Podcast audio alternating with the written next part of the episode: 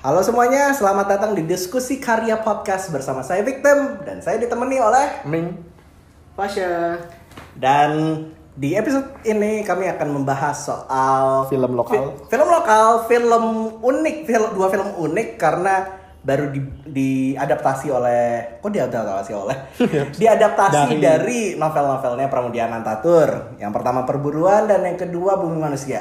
Dan sayangnya yang Perburuan Ming dan Fasya belum nonton. Jadi gimana ini Mas? Tapi ya Nah, enggak, gue gua kasih kayak apa ya? Kayak gambaran besarnya aja sih. Ke- ma- filmnya tuh settingnya tuh sebelum kemerdekaan Indonesia. Dan Berapa hari sebelum? enggak, kayaknya beberapa bulan. Berapa Beberapa bulan? Beberapa Oke, bulan oke. sebelum kemerdekaan Indonesia dan ceritanya tentang seseorang bernama Hardo. Dia kayaknya gue nggak yakin dia em, salah satu orang di organisasi PETA yang dibuat oleh Jepang. Oke, oke, oke. Dan dia sama teman-temannya kayak memberontak dan berusaha menjatuhkan Jepang, cuman Jepangnya kayak mengalahkan mereka dan mereka kabur. si Hardonya uh, terpisah sama teman-temannya nggak tahu kenapa dan ke, ke sebagian besar filmnya adalah si Hardo sendirian berusaha kembali sama orang-orang yang dikenalnya. Oke. Itu sinopsis keren banget sih sebenarnya. Iya. Sinopsisnya tuh menarik sih. Sinopsis Menarik keren sih. banget sih. Cuman sayangnya nggak dicertain dengan benar di filmnya. Gimana tuh? Iya, coba coba jelasin. Ya gimana ya? Jadi ka- ka- kalau kalian ngelihat trailernya ada mere- mereka masih emphasis gede di si Hardo tuh jadi orang gila. Jadi kayak Oh, oke oke. kayak dia tuh terjebak di suatu tempat gitu dan dia ngeliatin korek api lama-lama dia ketawa sendiri ngeliat korek Kayak apinya. PTSD gitu. Kayak PTSD, Kayak PTSD gitu. gitu. For one fight gitu maksudnya? Iya, dan nggak masuk akal fightnya. Jadi kayak di malam mereka mau buat pemberontakan, entah kenapa para Jepang kayak tahu dan mengalahkan mereka. Aha. Si Hardonya terpisah dari grupnya karena si Hardonya lagi nontonin para Jepang lagi jalan-jalan, maksudnya teman-temannya pada kabur. Hah? Oke. Si, si Hardo Mereka- cuma berdiri Mereka diem perang gitu. kan? Hah? Mereka perang kan? Pemberontakan. Bukan perang juga sih. Jadi mereka si Hardo sama teman-temannya tuh kayak lagi melewati hutan gitu, lagi mau mau menyerang Jepang, tapi ternyata Jepangnya yang nyerang mereka duluan. Dan waktu mereka lihat itu mereka kabur. Iya kabur. Tapi Hardonya nggak ikut kabur. Hardonya ngeliatin Jepang, oh itu Jepangnya datang gitu.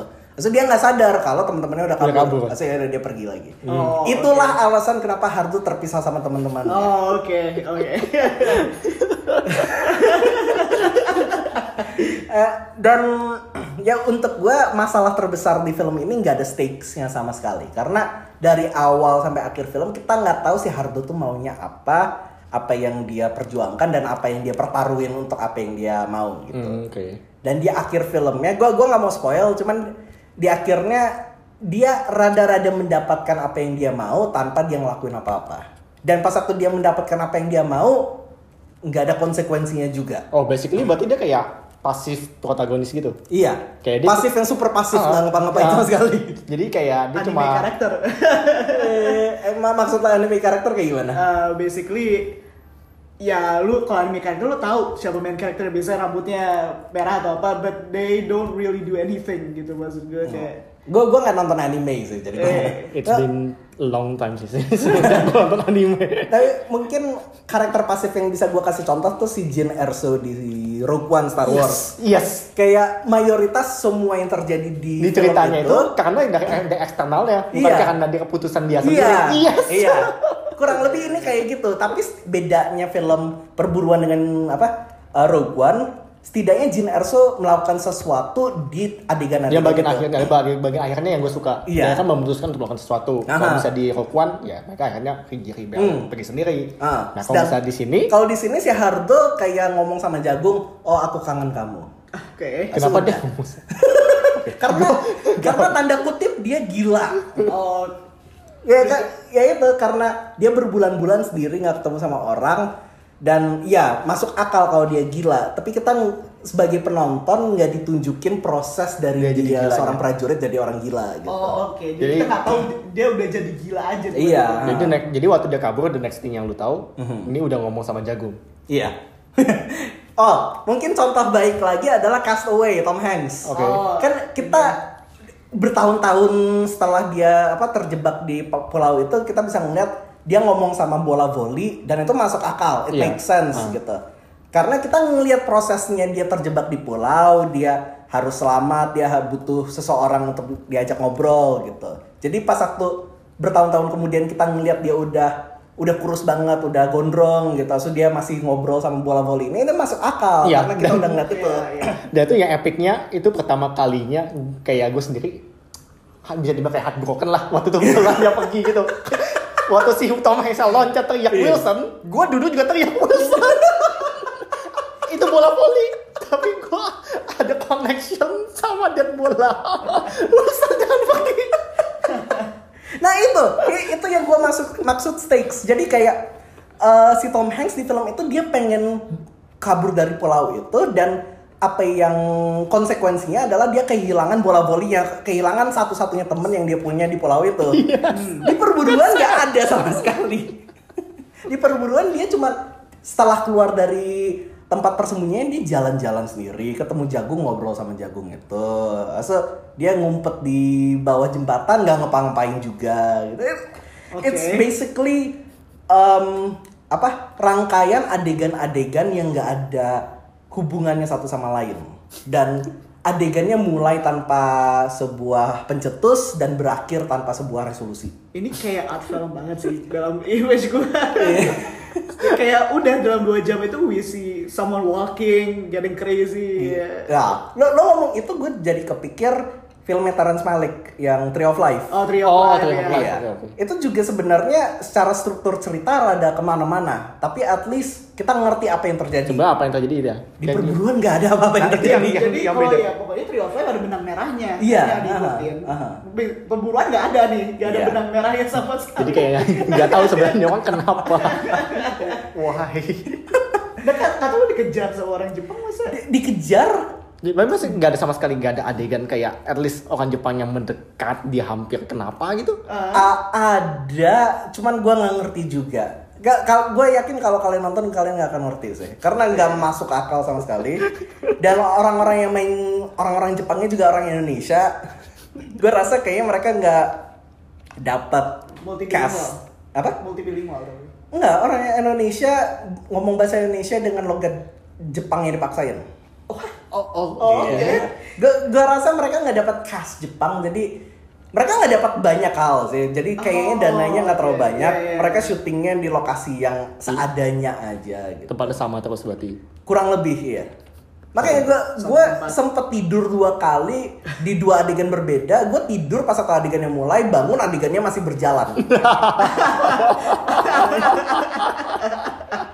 Padahal filmnya cu- runtime-nya 2 jam. Kayaknya dua jam, kayaknya nggak sampai dua jam. Gak nyampe dua jam dan lu tidur dua kali di situ. Iya. Dan permisa ya kita nonton Bumi Manusia 3 jam. Oh, tunggu bentar. Sebentar, itu filmnya 98 menit. Oke. Nggak sampai 2 jam. Oke. Dan gue tidur dua kali. Oke, eh, oh gue gue cuma mau ngasih tambahan aja sih. Yang main jadi si Hardo, Hardonya si tokoh utama ya. Dia bilang dia harus belajar strategi perang dari main PUBG. Hah? Hah? Gue nggak ngerti. Itu itu artikel beneran yang Itu ditulis artikel orang. beneran dari antaranews.com. Dia main strategi di PUBG. PUBG untuk belajar strategi perang yang gak, dimun- gak dipakai sama sekali di filmnya. Ah, Di filmnya karakter dia cuman oh saya kalah eh, sa- kalah di nggak kalah sih maksudnya saya tiba-tiba diserang sama orang Jepang dan saya kabur. Nggak ada strategi perangnya sama sekali. Dan itu jadi gila. Iya. iya. Oh, oh iya mungkin itu. Jadi karena dia main PUBG dia jadi gila. Kalau dia dia kebanyakan main PUBG, nggak punya lain udah gila gitu. So dari review gua yang sangat apa menghebat-hebatkan nih film, kalian tertarik nonton nggak? Ah, kalau misal gue cuma denger sinopsisnya, gue tarik. Oke. karena gue karena gue cuma denger sinopsisnya gue tertarik sih. Hmm. Tapi ya ya ini dibuat oleh Richard Oh, ya Mhm. itu yang buat Melancholy is a Movement ya Aha. namanya ya. Yang itu yang ya gue tahu karyanya dia walaupun gue belum nonton tapi gue tahu di ya karya-karya dia gitu. Hmm, dari karena itu lu tarik jadinya. Iya agak tertarik sih. Tapi lucunya gue nggak pernah nonton film dia tapi tertarik gitu. Oh, oke oke oke. Ya udah. Jadi misalnya- ka- karena sinopsis aja Ya, tertarik. kalau misalnya gue di sinopsis tertarik. Oke. Tapi kalau atau lu tadi in depth mulai ceritain kayak ini basically apa yang terjadi di filmnya, itu em, gue nggak tertarik. Oke. Jadi tidak tertarik. Kalau yang jelasin gue gak tertarik. Iya. Kalau orang lain mungkin dia jelasin gue tertarik. Iya, gue gak tahu. Jadi gue gak tahu di sini karena gue sendiri belum nonton. Jadi gue gak tahu. Emang filmnya semembosankan itu. Kalau kalau kalau kalian membuka Twitternya Richard O, dia ini sih, dia nge apa namanya? Eh, nge-retweet orang-orang yang membangga-banggakan tuh film. Mungkin kalau kalian baca reviewnya jadi kayak oh, tertarik nonton. Gak ada reaksi negatif Tapi sama sekali. si Richard O itu uh, dia bikin apa aja? Eh, dia bikin Gue pengen tahu aja kayak kayak film. itu satu tadi Melancholy Movement Hmm. itu gue tertarik itu karena pada saat itu Joko Anwar yang main Joko Anwar Dia sendiri main? dia dia dia jadi diri dia sendiri Oh oke. Oke, oke. Eh, ceritanya tentang se- seorang eh, secara rangkuman ya seorang saudara yang mau bikin film religi gitu. Hmm, jadi kayak kayak mockumentary gitu. ah nggak mau komentar kayak semi atau cara dari dari trailernya cara nge- dia ngedaranya kayak semi autobiographical gitu Hmm, oke oke oke oke. jadi ada mungkin ada fakta ada fiksinya dari Iya, mungkin gabung-gabung gabung-gabung gitu mungkin emang ini cerita tentang kehidupan Joko Anwar nggak tahu gitu Hmm, oke oke oke. dia, dia buat beberapa film yang belum pernah gua baca sih. Tapi dia terlibat sama My Stupid Boss, tapi nggak tahu sebagai sutradara atau sebagai Hmm, kalau misalnya untuk di sini dia sebagai sutradara. sutradara di film perburuan ini. Iya. Jadi ini pertama kali dia Oh enggak enggak, dia dia udah pernah beberapa kali jadi Oh, director. sutradara. Beberapa- Oh, gue kira dulunya dia mungkin cuma kayak produser, penulis naskah atau apa gitu. Eh tapi se- seburuk-buruknya nih film, gue masih bisa ngasih beberapa apa eh, review bagus untuk krunya karena kayak ada beberapa bagian yang tadi gue ngomong ada apa adegan di dalam hutan, gue masih bisa ngeliat apa yang terjadi di dalam hutan itu. oke gue nggak bisa ngomong hal yang sama untuk film kayak A Scary, Sto- eh, Scary Stories to Tell in the Dark atau Game of Thrones yang gue nggak bisa ngeliat apa-apa. Setidaknya di film ini gue bisa ngeliat adegan di kegelapan. Aduh, GOT ya. in defense of Game of Thrones itu emang konsepnya begitu dari directornya No, no, no.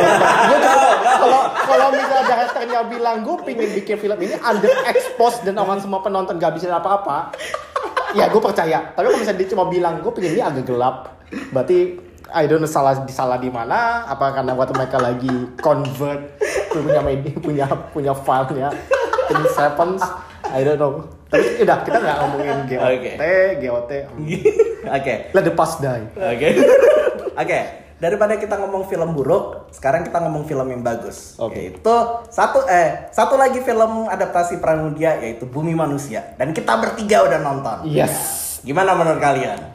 Kalau misalnya gue yang udah udah baca bukunya, Mhm. ini gue bagus sih, maksudnya di luar dugaan. Karena waktu gue begitu masukkan, Ah. gue udah mempersiapkan diri untuk benci sama ini film. Mhm. Karena menurut gue kayak ini buku terlalu terlalu uh, kompleks. Jadi kayak kan bisa lalu bikin ke layar uh, jadi feature film di bioskop itu.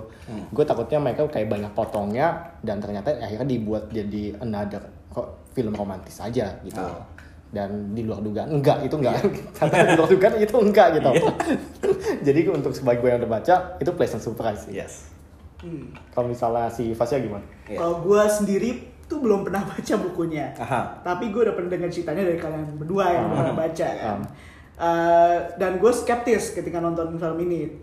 Dan gue nggak bersikeras, gue nggak pernah suka film-film historical drama yang ada romansanya. Oke. Apalagi kalau merasa gue merasa itu cheesy dan kayak uh, so, slow banget deh gitu. Gue Hamilton? Eh? Hamilton? Hamilton is musical ya. Iya. Romeo and Juliet.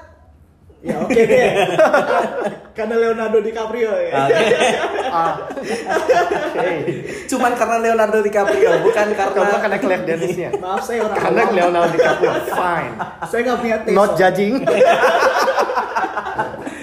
Iya tapi Iya. tapi ya eh, selama eh, yang gue bisa bilang positif dari film ini deh dari skripnya dan dari dialognya yang ternyata walaupun dialognya ada yang cheesy antara eh, Dua karakter Minke- utama. dua karakter utama Hmm. Minke dan eh, Analis. analis itu yang agak-agak apa ya agak-agak ya cheesy cheesy romance gitulah Hmm. Kayak- tapi gue ketawa gue gue ketawa dan merasa kayak gue gak bisa benci ini karena they're so cute together gitu. Jadi chemistry-nya bagus. Berarti chemistry suka? Chemistry-nya Oke. bagus karena gue pun kaget semua orang yang di sini it's okay. Iya, di luar dugaan. Di luar Iya. dugaan, oke. Soalnya gitu. Untuk yang nggak tahu, yang main jadi si Mingke-nya itu si Iqbal. Kalau mungkin lu lebih kenal dia main jadi Dilan. Mhm. Nah, jadi mungkin karena itu juga sih kita mungkin mikirnya, aduh mati nih. dia dipilih ya tokoh utama lagi. Se- seorang aktor tuh nggak boleh apa ya nggak boleh dinilai karena karakter Karena karakternya gimana ya. Dan Kar- itu yang paling yang gue bener-bener paling berasa itu waktu gue latihan pertama Leonardo DiCaprio. Karena itu gue bener-bener kaget banget dia dari Titanic dan the next thing yang gue tahu dia main di Blood Diamond. Oh, iya, Pertama Blood kali gue Diamond, sadar iya. ya. Itu dia dia main di Blood Diamond. Atau satu lagi Robert Pattinson. iya baru gue mau ngomong Robert Pattinson. Uh, dari Twilight jadi Batman Yes. Dan kalau misalnya kalau misalnya uh, ada yang ada yang penasaran mungkin itu udah mau keluar lagi satu film dia uh, yang sama si Willem Dafoe. iya yang The Lighthouse. Lighthouse, Lighthouse. Nah, Oh, It- dan itu gua that looks good. It looks good. It looks really good. Ayo balik lagi.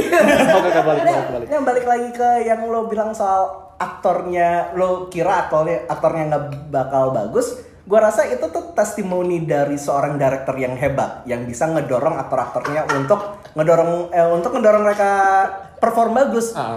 dan gue pribadi dari dulu gue nggak suka Hanung. Eh, makanya gue kaget pas waktu gue nonton udah filmnya bagus aktor-aktor di sini semuanya bagus, gitu iya. jadi kayak kayaknya gue salah menilai dia bertahun-tahun ya Untuk Hanung sendiri, Iya. film yang gue tonton dari dia tuh selain ini itu Ah. cuma ayat cinta. Mhm. Jadi uh, untuk gue sih netral sih kalau misalnya sama sama cara kerja direct dia gimana segala macam itu sih gue netral sih.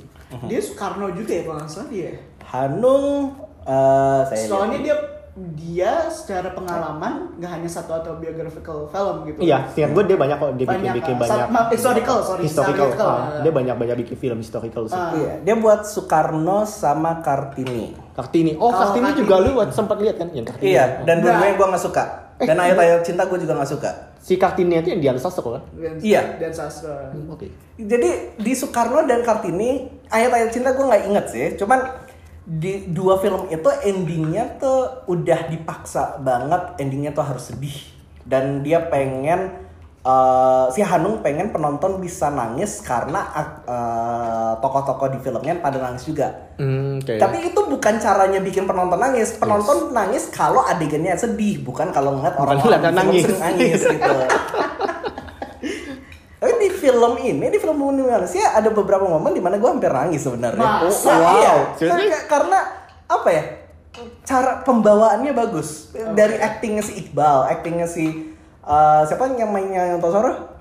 Siapa sih? Si Eh, uh, Syaine, oh gue salah Syaine Febrianti mungkin cara bahasanya itu mereka aktingnya bagus-bagus dan Dan ya, sama waktu bagian akhirnya kan? Iya. Yang bagian akhirnya. Apalagi waktu itu waktu pas mereka lagi adegan sedih kayak gitu, itu di background si Iwan Fals nyanyi. oh iya Lagu nyanyi Ibu Pertiwi. Gue gue gak bisa lupa. Itu gue bener-bener kayak Iya sih, gue tau maksudnya kayak, iya dia mereka mereka coba bikin lu nangis. gue gue sadar itu, mereka Iya, lagi coba sadar lu Gue suka endingnya sih. gue suka endingnya. Karena moralnya bagus, ya ceritanya sih. Apalagi ini hari raya kemerdekaan sama- selamat merayakan bagi yang merayakan. Oh iya, yang merayakan. oh iya ini di ka- kami yang ngerekam ini di tanggal 17 Agustus Iya. Jadi Yang- pas. Jadi kalau kalian nonton film kayak gini di bioskop, sebelumnya fi- filmnya mulai akan ada bendera Indonesia ditampilin di layar dan kalian harus berdiri Sambil nyanyi lagu Indonesia Raya. Harus loh, harus. Wajib. Wajib. Kalau nggak nggak berdiri nanti ditangkap. Ditangkap, dikeluarin. Eh, kita bukan Cina ya. Tapi tadi Tadi ada beberapa yang nggak berdiri. gue gue lihat kayak kata-kata berdiri. Cuma gue lihat di depan kita ada dua orang yang nggak berdiri sih. Kayaknya mereka udah sesepuh sih. Saya gua, gua ngelihatnya kayak oh ini rambutnya udah putih jadi mungkin mereka juga. susah berdiri. Oke, gue pikir positif. Iya.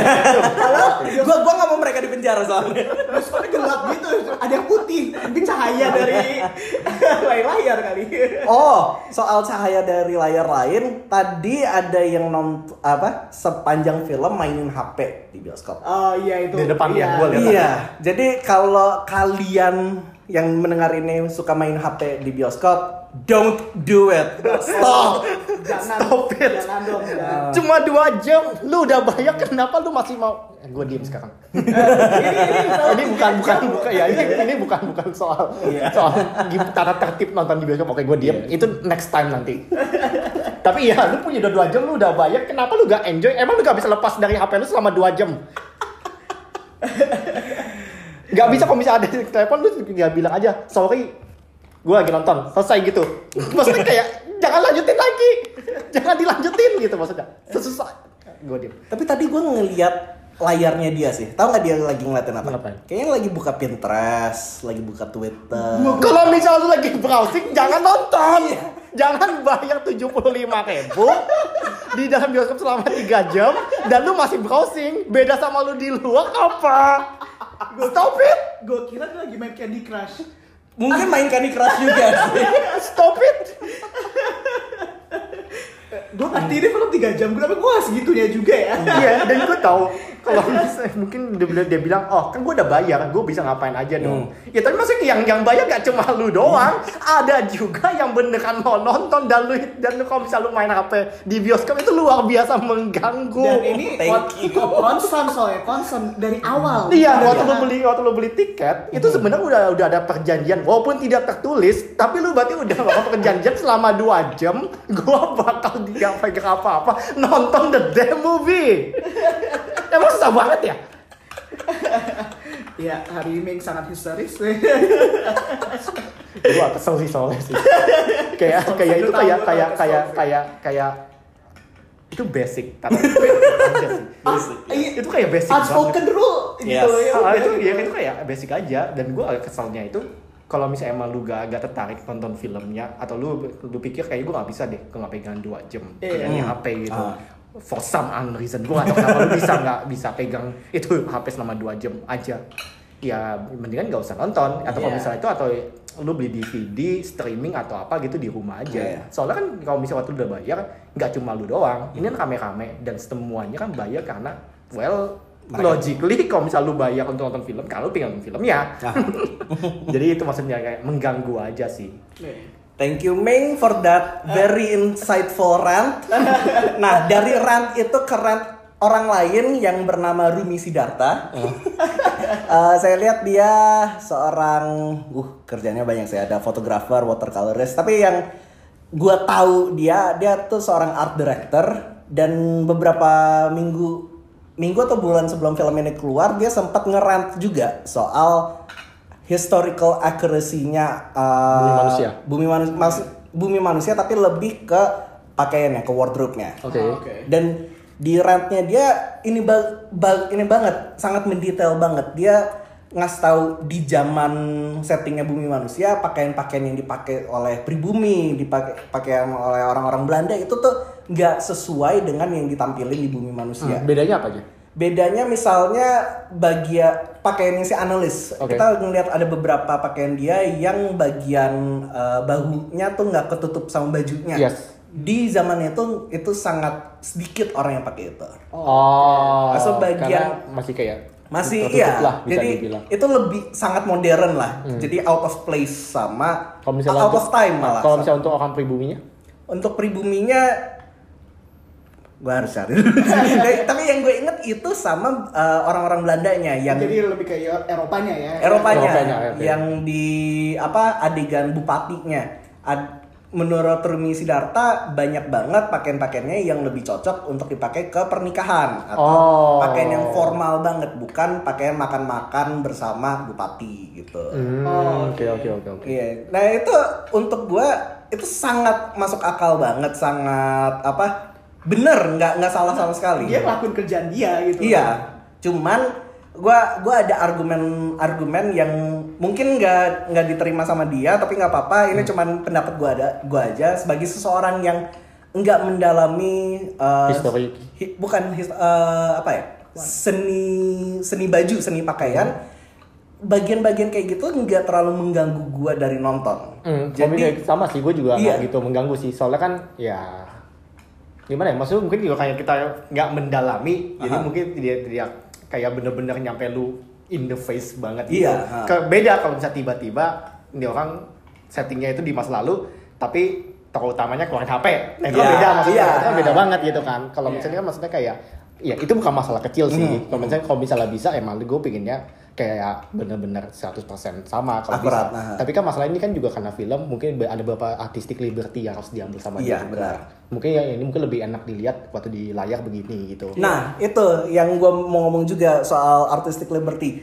Gue ngelihat walaupun ini nggak 100% akurat, tapi enak dilihat. Hmm. Kayak pakaian-pakaiannya si analis untuk gue sangat cocok dengan keindahan karakter itu Ah. di uh, situasi-situasi kayak gitu. Jadi emang kalau kalau versi akuratnya nggak begitu indah, gue personally sebagai penonton gue lebih suka apa yang ditampilin Tampilin di sini. Iya, Ah. karena lebih enak dilihat aja Hmm. gitu. Soalnya kan juga harus dimikirin juga. Ini kan ini kan maksud kita bukan bukan lagi bikin film dokumenter lah. Iya. Gue nggak coba educate lu kayak eh tahun ini orangnya harus begini begini begini. Enggak Hmm. gitu. Ini kan kayak well settingnya di masa lalu. Aha. Balik lagi ke contoh gue yang Hamilton tadi. Ada bagian untuk beberapa orang yang nggak tahu Hamilton itu Hamilton tuh musical drama tentang pendiri Amerika gitu. Ada satu bagian di mana mereka eh, beradu menggunakan mikrofon dan zaman itu belum ada mikrofon. Yes. Cuman tujuan adegan itu adalah mereka beradu kayak freestyle per- eh, Argumentasi. free- freestyle, Freestyle. rap gitu dan itulah tujuan mereka menggunakan mikrofon bukannya untuk akurat tapi untuk mem- memberikan perasaan ini tuh maksud adegan ini kayak gimana dan gua ngerasa uh, pakaian-pakaian yang dipilih sama tim wardrobe bumi manusia tuh mayoritas Alasannya sama. tujuannya itu Ah, alasannya sama. Hmm.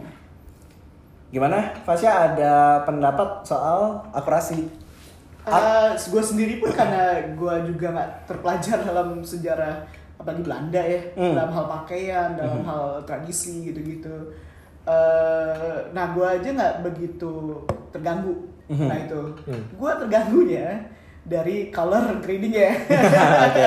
Kalau- Kalau ini lebih teknis ke filmnya. teknis oke, oke, filmnya oke, Up- mungkin karena taste gue cuman karena mayoritas dari film bumi manusia itu lebih ke uh, warna bumi warna earth warna Hmm, kuning, kuning warna gitu. Hmm. biru juga ada biru dan merah Hmm.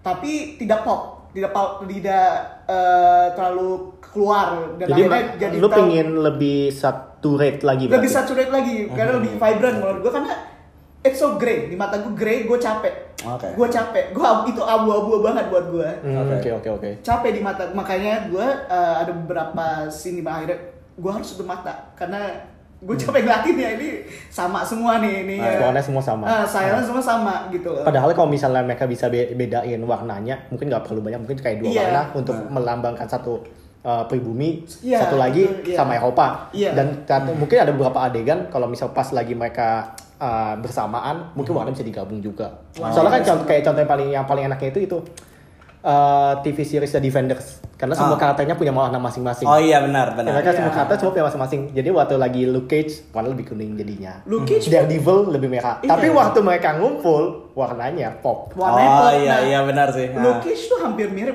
color gradingnya dengan bumi manusia. Iya sebenarnya. sih, benar, benar, Tapi kuning pop banget. kan, Iya. vibrant kan. Itu maksud gue, uh, I think color itu sangat sangat, sangat penting untuk uh, mempersembahkan karakter. Lu bilang sendiri pun Hmm. itu kan baju dari bajunya itu ngeluarin Iya, uh, benar. kecantikan dari si karakter Hmm, ceweknya. Tapi sayang aja kalau misalnya kita nggak bisa ngelihat Nggak bisa sebenarnya lihat. warnanya apa sebenarnya. Ada scene es krim aja gue nggak melihat itu enak. itu gak, it's so dark and grey gitu, abu-abu banget. Di mata gue tuh abu-abu gitu loh. Nah lu mau penonton selama 3 jam sangat eh, buka mata ya nggak gitu caranya gitu Nah. loh.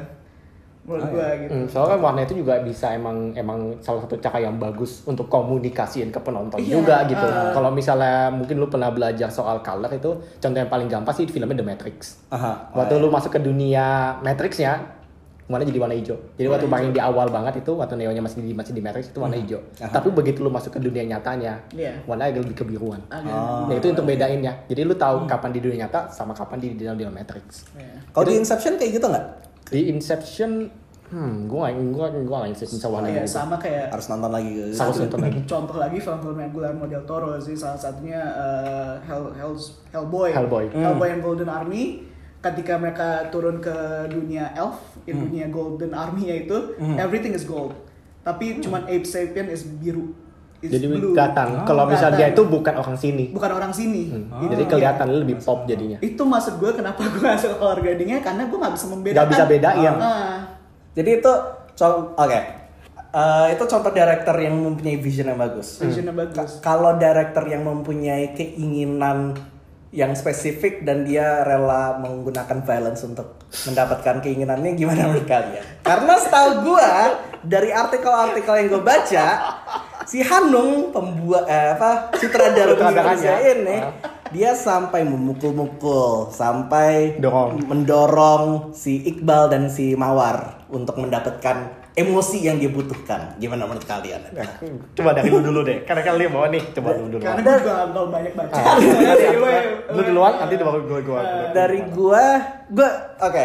Sebelumnya gua gua nggak nggak terlalu suka Hanung sebelum film ini Ah. dan pas aku gua nonton film ini gua kayak oh kayak dia berhasil membuat film yang gua mau dari buku yang gua suka Yes, gitu. oke. Tapi gua membaca artikel ini kayak what the hell man.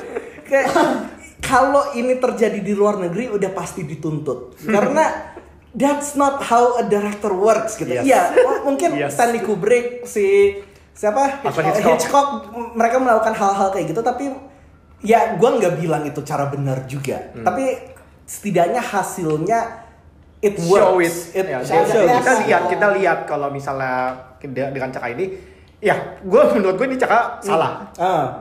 lu nggak boleh mesti mukul-mukul apalagi nyampe traumatize yo punya kru. Actor buat gue atau boleh apa. nah tapi kita juga nggak bisa argumen soal hasilnya Iya. karena it delivers gitu Ah. ternyata Delivers, iya. it, it delivers gitu kayak Shelley Duvall di apa Uh, Shining. The Shining. The Shining, The Shining. kita bisa ngeliat dia ketakutan banget gitu ya ya itu karena teror dari si Hitchcocknya juga gitu Eh, Eh, Kubrick. Eh, Kubrick, sorry, sorry. Ya itu beneran dia teror. Dia Iya, beneran gitu. ketakutan dari film. Gak Ah. ada real life dia ketakutan. iya yes sedangkan untuk bumi manusia kita masih nggak tahu bagian di mana Iya. si Hanung eh si Iqbalnya dipukul itu tuh adegan yang mana Adegan yang Iya, mana, apakah cara Hanung nggak you never should hit your actor. Mhm. Itu, Itu udah udah Itu- udah itu big satu no-no. aturan, apa Ah. big no no apalagi kru gitu-gitu. itu nggak boleh mereka nggak boleh Lu bikin film kerja sama. Aha. Lu nggak sendirian man. Mhm. Lu bikin film misal lu sendirian bagus eh, apa Pan's Labyrinth nggak mungkin lah. Aha. Eh, dan ini kalau lu nggak dari lu udah ngelakuin kayak gitu tapi nggak kelihatan hasilnya apa gitu gue pun nggak bisa melihat di mana Iqbal actingnya eh, lebih bagus daripada yang gue kira gitu Mhm. Yes. nggak ada di mana itu justify dia dipukulin untuk biar dia lebih emosional lebih nangis lebih apa. Jangan nggak begitu. ada. Ya, nggak. boleh. Karena Nggak. kalau misalnya di- director itu semestinya tugas mereka itu ya harus bisa keluarin emosi dari pemainnya tapi nggak boleh dengan cara pukul. Nggak, lu mungkin ya pukul. lu mungkin bisa kasih tau aja vision lu gimana. Kayak misalnya oh gue pingin kalau misalnya let's say misalnya apa adegan nangis nih. Ya kalau misalnya bilang eh ini adegan sekarang lu nangis lu nangis sekarang. Kan mungkin agak susah untuk untuk aktornya karena gue bingung lu pingin gue nangis gimana? Aha. nah sekarang kalau misalnya nangisnya itu karena lu jat, nangis karena lu jatuh dari sepeda sama nangis karena bapak lu meninggal itu dua nangis yang sangat beda banget. Iya. dan itu gun itu gunanya director gimana cara lu bisa uh, kasih tahu yo punya vision ke karakter ke ke uh, aktor-aktor lu. Malah Nah, iya. jadi nggak bisa kalau misalnya gue bilang oke gue pengen nangis gimana caranya gue pukul dia. I- Kalau mendingan gue sewa tukang pukul. Ah. Buat apa gue sewa sutradara gitu maksudnya kalau misalnya kerjaan lu juga cuma mukul dia nyampe dia nangis. Gue juga bisa, gue pengen sewa pukul aja satu orang. Gue Iya. gebukin dia nyampe dia nangis. Iya, bayangkan tips saudara yang profesional pun tipsnya itu adalah untuk bukan eh, ngasih tahu ke aktornya lu kayak gimana emosinya enggak, tapi apa? Coba deskripsikan apa yang terjadi Yes, di sini itu, apa yang dia harus nang- apa? contoh lakukan di nangis sini ya. hmm, atau dia kelaparan Ah. itu beda lu kelaparan dari pagi gak belum makan sama tiga hari belum makan itu itu kelaparan yang luar Iya, biasa lu- luar berbeda biasa yang berbeda gitu. Oh. Terus lu kasih tips ya, lu ya kasih ya, contoh lah ya orang nggak makan tuh gimana gitu. Cuman lu nggak akan ngasih tahu emosinya kayak gimana gitu. Hmm. Apalagi sampai mukul. Untuk ngeluarin emosi dari aktor tuh buat apa gitu. nggak boleh nggak boleh itu is a big no no Buat apa? Nggak ada sih, nggak nggak ada sih. sorry Iya. gue nggak setuju sih Nih, Nggak setuju. Jadi kita bertiga nggak setuju. Enggak lagi lu. Oke. Nah, walaupun itu a big no-no untuk Hanung. Hmm. Ini kan udah pasti eh, keempat buku dari perburuan trilo, em, eh, quadrilogi Buat ini. tetra apa? Tetralogi. tetralogi, sorry. Tetralogi. Tetralogi. Ini pasti dibikin jadi filmnya. Hopefully, hopefully gue Iya, pengen karena gue sih. suka banget, karena gue suka film-film pertama ini. Iya. Tapi Dan- masalah walaupun 3 jam, jadi gue bener-bener berharap it doesn't hurt the, the box office lah Mhm. penghasilan dia. Karena kita tahu kalau misalnya film lokal sendiri mungkin nggak gitu banyak penontonnya. Ah. Apalagi kayak ini 3 jam. Gitu Eh, loh. tapi- Jadi gue takutnya itu. Film 3 jam itu bisa jadi the biggest film in history. Iya, yes, gue gue nggak Iya. bilang kalau misalnya nggak ada. Tapi Iya. masalahnya kan kita Iya, kita lihat iya. uh, iklim di Indonesia Iya sih. biasanya film lokal sendiri nggak banyak yang nonton. Iya. Dan apalagi sekarang ditambah tiga jam. Tiga Bayangin jam. misalnya gitu kan dibilang, eh mau nggak nonton film Indonesia tiga jam. Hmm. Gue Iya. gue perasaan aja sih ada beberapa orang yang bilang iya. Menurut gua salah satu alasan mereka milih uh, Iqbal jadi tokoh utamanya karena Iqbalnya kan lagi Lagi naik daun. banget Yes, gitu. lagi Jadi naik daun. mereka udah pasti dapat fansnya Iqbal, Iqbal, untuk nonton itu. Tapi menurut gua dengan itu pun belum tentu semua orang bakal nonton juga dan lihat tiga jam udah makin dikit lagi lebih ah, makin dikit orang yang bakal mau nonton. Nah itu yang gue agak takutnya itu. Ah. Soalnya kalau misalnya ternyata nggak laku, gue takutnya nanti produser kembali lagi Ah. ke cara yang itu gue udah coba kok bikin film bagus, Hmm. nggak laku, mending gue bikin film yang kayak dulu lagi, film Ah. hantu, film semi bokep. gue takut lagi kalau misalnya bikinnya kayak gitu atau film komedi yang yang yang maksudnya yang, yang biasa lu lihat lah yang di, di Iya, bioskop itu iya. kan.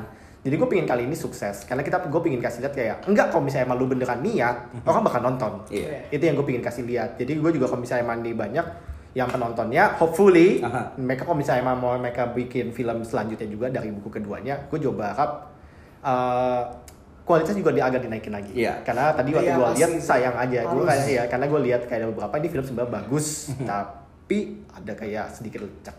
Ya, Ada. kayak Oh, baju sih. Iya. Dan menurut gue jangan diburu-buru karena Yes. kelihatan banget ini diburu-buru pengen dikeluarin pas satu 17 Agustusan. Yes. Dan kalau bisa sebelum ditayangin di Indonesia ditayangin di festival luar dulu gitu. Ah, karena orang Indonesia itu salah satunya juga itu. Biasanya Iya. lu harus terkenal di luar dulu, Iya. baru orang dalam mau nonton. Jangan tanya gue kenapa. Iya. I don't know why. Kayak kayak The Raid kan berhasil banget di Indonesia karena dapat Sukses. sukses di festival-festival dulu Iya, sebelum iya sih. sini. Malah. Dia keluar di festival dulu sebelum Iya. Film di luar ya. Ah. Itu gue juga agak bingung sih. sayangnya Marlina dan Kucumbu Tumbuh Indahku eh, mereka juga apa sukses banget di Luar. festival cuman karena temanya nggak begitu cocok di penonton Indonesia nggak begitu bagus eh nggak begitu banyak yang nonton Banyak. Dan tapi kalau misalnya di Indonesia sendiri kayaknya mereka juga kurang push sih. Iya. Bagian marketingnya sih. Iya Soalnya waktu waktu waktu The Raid keluar itu dia benar-benar kayak di mana-mana Mhm. kayak bilang ini ini terken, eh, di luar di festival dia terkenal banget. Iya. Itu mereka juga kasih lihat kayak kita pakai koreografi, pakai silat punya, lokal punya. Itu Mhm. mereka berani, berani kasih lihat. Ya kayak bener-bener actionnya gue jujur aja itu lebih bagus daripada Iya.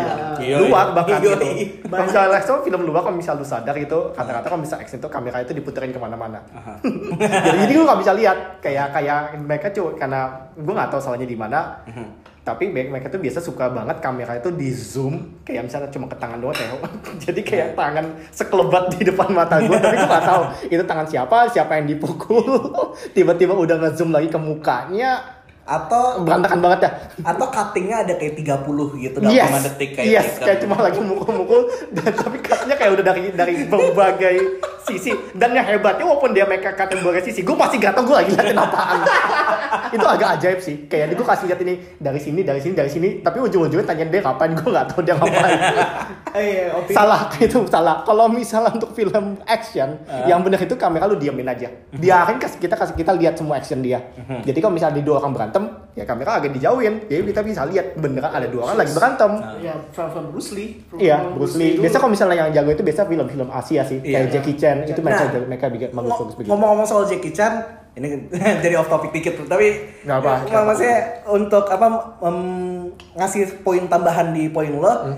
lo bisa ngeliat bisa ngerasa bedanya film Jackie Chan yang dari Asia sama, Sama yang dari- dari Amerika punya. dari itu sendiri dari Yes. kameranya sama dari editingnya gitu. Hmm, Karena jadi- si Jackie Chan juga yang ngedirect bagian-bagian actionnya dan kerasa banget bedanya kalau dia ngedirect film di Asia sama film di Amerika. Iya, karena si Jackie Chan sendiri sebenarnya orang perfeksionis. Yes. Dia kalau misalnya gak suka dia bakal ambil lagi take-nya itu bisa bisa banyak banget. Bisa banyak Dan yang itu agak susah kalau misalnya lu lakukan di Amerika. Iya, iya. Karena mereka bisa batasin. Iya. Jadi kayak lu cuma bisa ambil teks segini segini segini doang.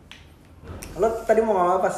Eh, yang balik ke marketing sebelumnya opini kita ya marketing film Indo tuh banyak banget film yang trailernya baru keluar tuh seminggu se- Iya, sebelum sebelum filmnya. film-filmnya gitu Ah, loh. jadi itu agak gitu kan karena tiba-tiba perlu kaget sih. diperbaikin sih sebenarnya strateginya. itu apa em, masalah gua soal perfilman Indonesia udah dari dulu banget tapi belakangan ini gua ngeliat ada perbedaan. Perbedaannya mulai dari film Bumi Manusia dan Gundala yang bentar lagi keluar. Gundala, ya. mereka udah mulai eh, ngasih tease-tease jadi kayak film-film Hollywood blockbuster jadi Iya. kayak beberapa bulan sebelumnya mereka kasih Teaser dulu ini pertama. posternya Ah. gitu so teaser trailernya kayak gimana so baru trailernya gitu Iya mulai aktif sih. Mulai aktif. Memang marketingnya begitu. mulai Emang nambah mas- gitu emang tapi masih begitu. kurang sebenarnya jadi Kayak kok exposure aja. Ah, Jadi jadi- mungkin lu berharap lebih. Iya. Apalagi ini kan maksudnya gimana ya? Ini kan film lokal gitu kan Iya. maksudnya kan. Dan lu target marketnya udah tahu emang orang lu juga. Kenapa? kayak kok lu gak bisa ngiklanin ke orang sendiri? Maksudnya Iya, kayak, iya itu dia. aneh aja gitu. Kenapa bisa orang lain yang kulturnya aja mungkin udah totally beda? Iya. bisa lebih bagus ngiklannya gitu. Iya, gue lebih iya. kayak iklan dari iklannya gue lebih tarik nonton film luar gitu. Masa orang sendiri gak bisa ngejual kita Dan sendiri iklan itu aneh banget. Mestinya Iya. justru lebih jago. Lu itu Iya. tuan rumah loh. Iya. Mesti kayak lu udah tahu target market gue begini untuk untuk ngangkat mereka gue perlu begini. Mestinya udah jelas gitu. Iya. Kenapa bisa? Enggak gitu. That is an awesome point. Iya. itu itu aneh banget. Iklan tuh bahasa bahasa universal harusnya. Yes. Semua bisa gitu ke semua lo, uh, any kind of ethnicities gitu, ethnicalnya apa pun gitu. Oh, mesti bisa jadi kayak agak sayang aja sih mungkin mereka gue gak tahu kenapa tapi gue berharap itu uh, satu langkah yang yang memperbaiki lah Oke. waktu waktu untuk, untuk kendalanya untuk tubuh manusia waktu mereka udah kasih teaser teaser ya semoga ke depannya gitu juga jangan tiba-tiba lu seminggu sebelum tayang baru keluar gitu gue juga gak tahu Ya maksudnya seru banget sih sekarang film Indonesia sih. Iya. Gua pun ya gue pun sedih kan suka Bumi eh, Bumi Indonesia oke oke aja. Mhm. Tapi ya kita udah melihat banyak perbedaan dari apa di di film eh, industri dulu sama sekarang tuh udah beda. udah Iya. beda. Udah kerasa ada revolusinya sih sekarang. Revolusinya. Hmm. dan ya good things hopefully itu lanjut Iya, itu sangat- oke oke Kayak Bumi Manusia ini gue akuin gue nggak bisa ngebayangin film ini keluar 10 tahun yang lalu. Ini udah udah bukti sebuah progres di perfilman Indonesia. sih. Iya, gue juga Ya, setuju kelihatan itu sih. sih. Kelihatan sih. Mereka kayak kayak ini beneran lebih niat sih. Iya. Lebih Cuma cuma karena kalau misalnya gimana ya? Mungkin kayak bilang juga syutingnya itu kan lumayan cepat dari masa syuting sampai Iya. akhirnya rilisnya kan. Kalau masa syutingnya itu mereka baru awal tahun ini ya. Eh, iya. Baru awal tahun kan. Jadi kayak paling not even one year mereka bikin ya kan. Nggak Iya, nyampe itu, setahun itu, berarti yang, mereka bikin itu yang lucunya itu sih. dari dari situ kita jadi bisa lihat kalau misalnya mereka lumayan buru-buru. Oh sorry sorry. Kerjanya. Mereka mulai ngambil syutingnya Juli 2018. Jadi Oh. Oh, lumayan sedikit lah. di atas tahun. Oke, lumayan lah. Setahun ada lah ya. Iya. Setahun Itu ada. pun Tapi belum tapi ya menurut gue sih gitu, gitu ya. hmm. Tapi kan mereka kan kayak ngumpulin semuanya. Iya sih agak susah sih. Iya. So kita kelihatan banget kalau misalnya waktu waktu di di di filmnya sendiri kayak gedungnya itu luar biasa bagus sih. kayak semuanya belum selesai dicat. itu kelihatan banget gitu kayak mereka kurang polis aja. Jadi maksudnya kalau misalnya soalnya kita lihat nih orangnya mungkin bajunya agak sedikit kotor karena berdebu segala macam kan. Kayak Mas Aping kan begitu kan, kayak berdebu segala macam. Tapi waktu gue lihat ke di gedungnya itu kayak mereka itu masih bagus banget kayak bagus selesai dicat. Itu kayak lu keluar jadi untuk sementara. Jadi tiba-tiba sadar oh gue lagi nonton film. Ah iya. Iya, iya. itu yang gue agak kurang suka sih yang itunya. sih. Iya, jadi eh kayak balik lagi ke poin yang tadi yang soal akurasi kostum itu nggak terlalu karena kita nggak ngerti sejarah eh, Semestinya. sejarah seni Ah. kan kita nggak terlalu terganggu sama itu tapi karena kita ngelihat gedung-gedung yang bersih yang harusnya kotor gitu itu kan yang berasa malah bikin eh, itu ah, kan berasa kita bisa sehari gitu kan kayak Aha. misalnya tempatnya gini lu berarti punya pasti Iya. punya ekspektasi lah Iya. gedungnya gimana bentuknya mestinya nah kalau misalnya ini kan semua kayak selesai baru dicat tuh an itu semua aneh banget Iya. jadi kayak kayak bener-bener kelihatan banget gitu kayak Eh, waktu tapi di jalan kal- pup, ini satu setnya gue yakin itu baru dibikin tadi kalau kalau ternyata dulu zaman penjajahan Belanda setiap hari ada yang ngecat ulang gimana? Make sense sih. Kalau akurasi sejarah men. kalau misalnya bener kan itu gue itu benernya apa yang gue bilang you learn something new every day gue nggak tahu kalau misalnya kalau bener kan ada itu gue beneran nggak tahu Di bumi manusia sebenarnya ada deleted scene si siapa Mingkenya lagi jalan lalu di belakangnya ada orang lagi ngecat tembok gitu. Anak kecil gitu tapi gitu. Bang, rumahnya mau dicat lagi ya bang? itu kayak you learn something new every day gue bener-bener warna putih. Cat biru juga ada mau baru nih. iklan jadinya. iklan gitu dulux gitu ya gitu.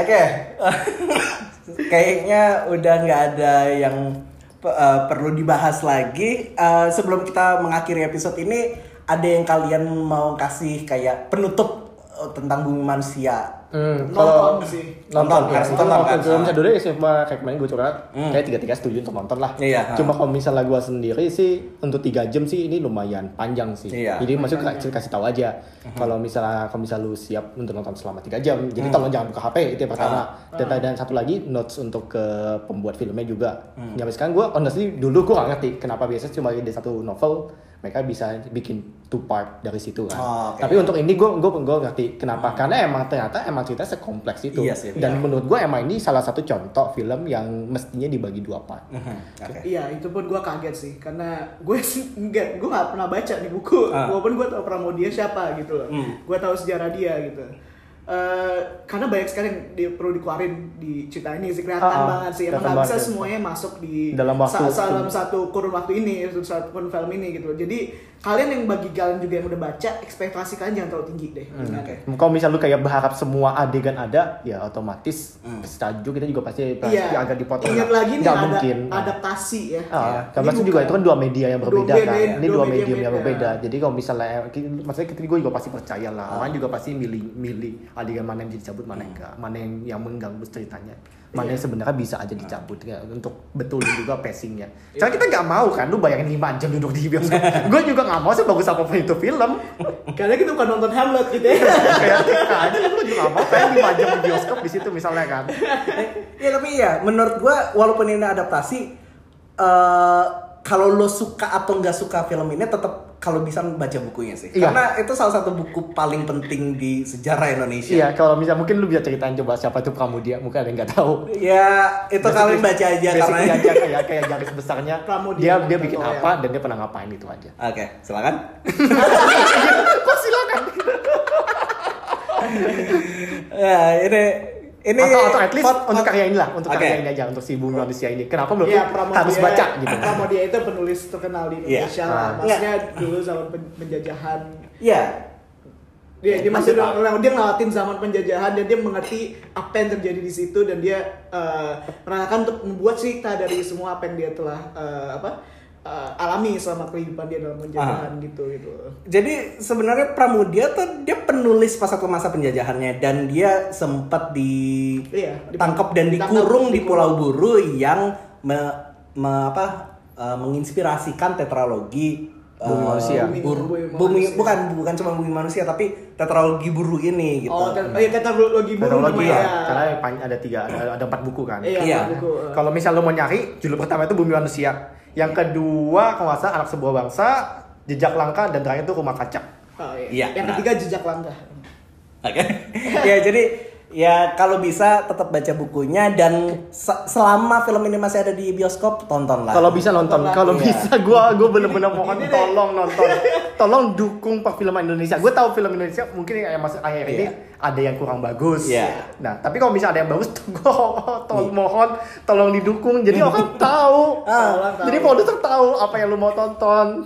Jadi ya sebelumnya pun kalau kalian tahu Oliver Stone aja mau buat film ini sebelumnya. Oh iya, ya jadi dulu dari dulu tuh banyak banget yang mau ngadaptasi film ini dari Oliver Stone, dari Garin Nugroho, dari Riza, ada banyak banget orang yang mau ngerjain ini dan akhirnya Hanung yang berhasil. yang, yang kemarin. Iya. Dan gue harus bilang dia good job sih. Dia Iya. good job sih. Dia dia dia, dia uh, Iya. i- karena good itu job. kalau misal lu pernah baca ke bukunya itu gak gampang untuk diadaptasi ke ke layar lebar. Tapi menurut gue dia dia lumayan berhasil sih. Oke. Ah, apa yang gue takutin untungnya tidak terjadi.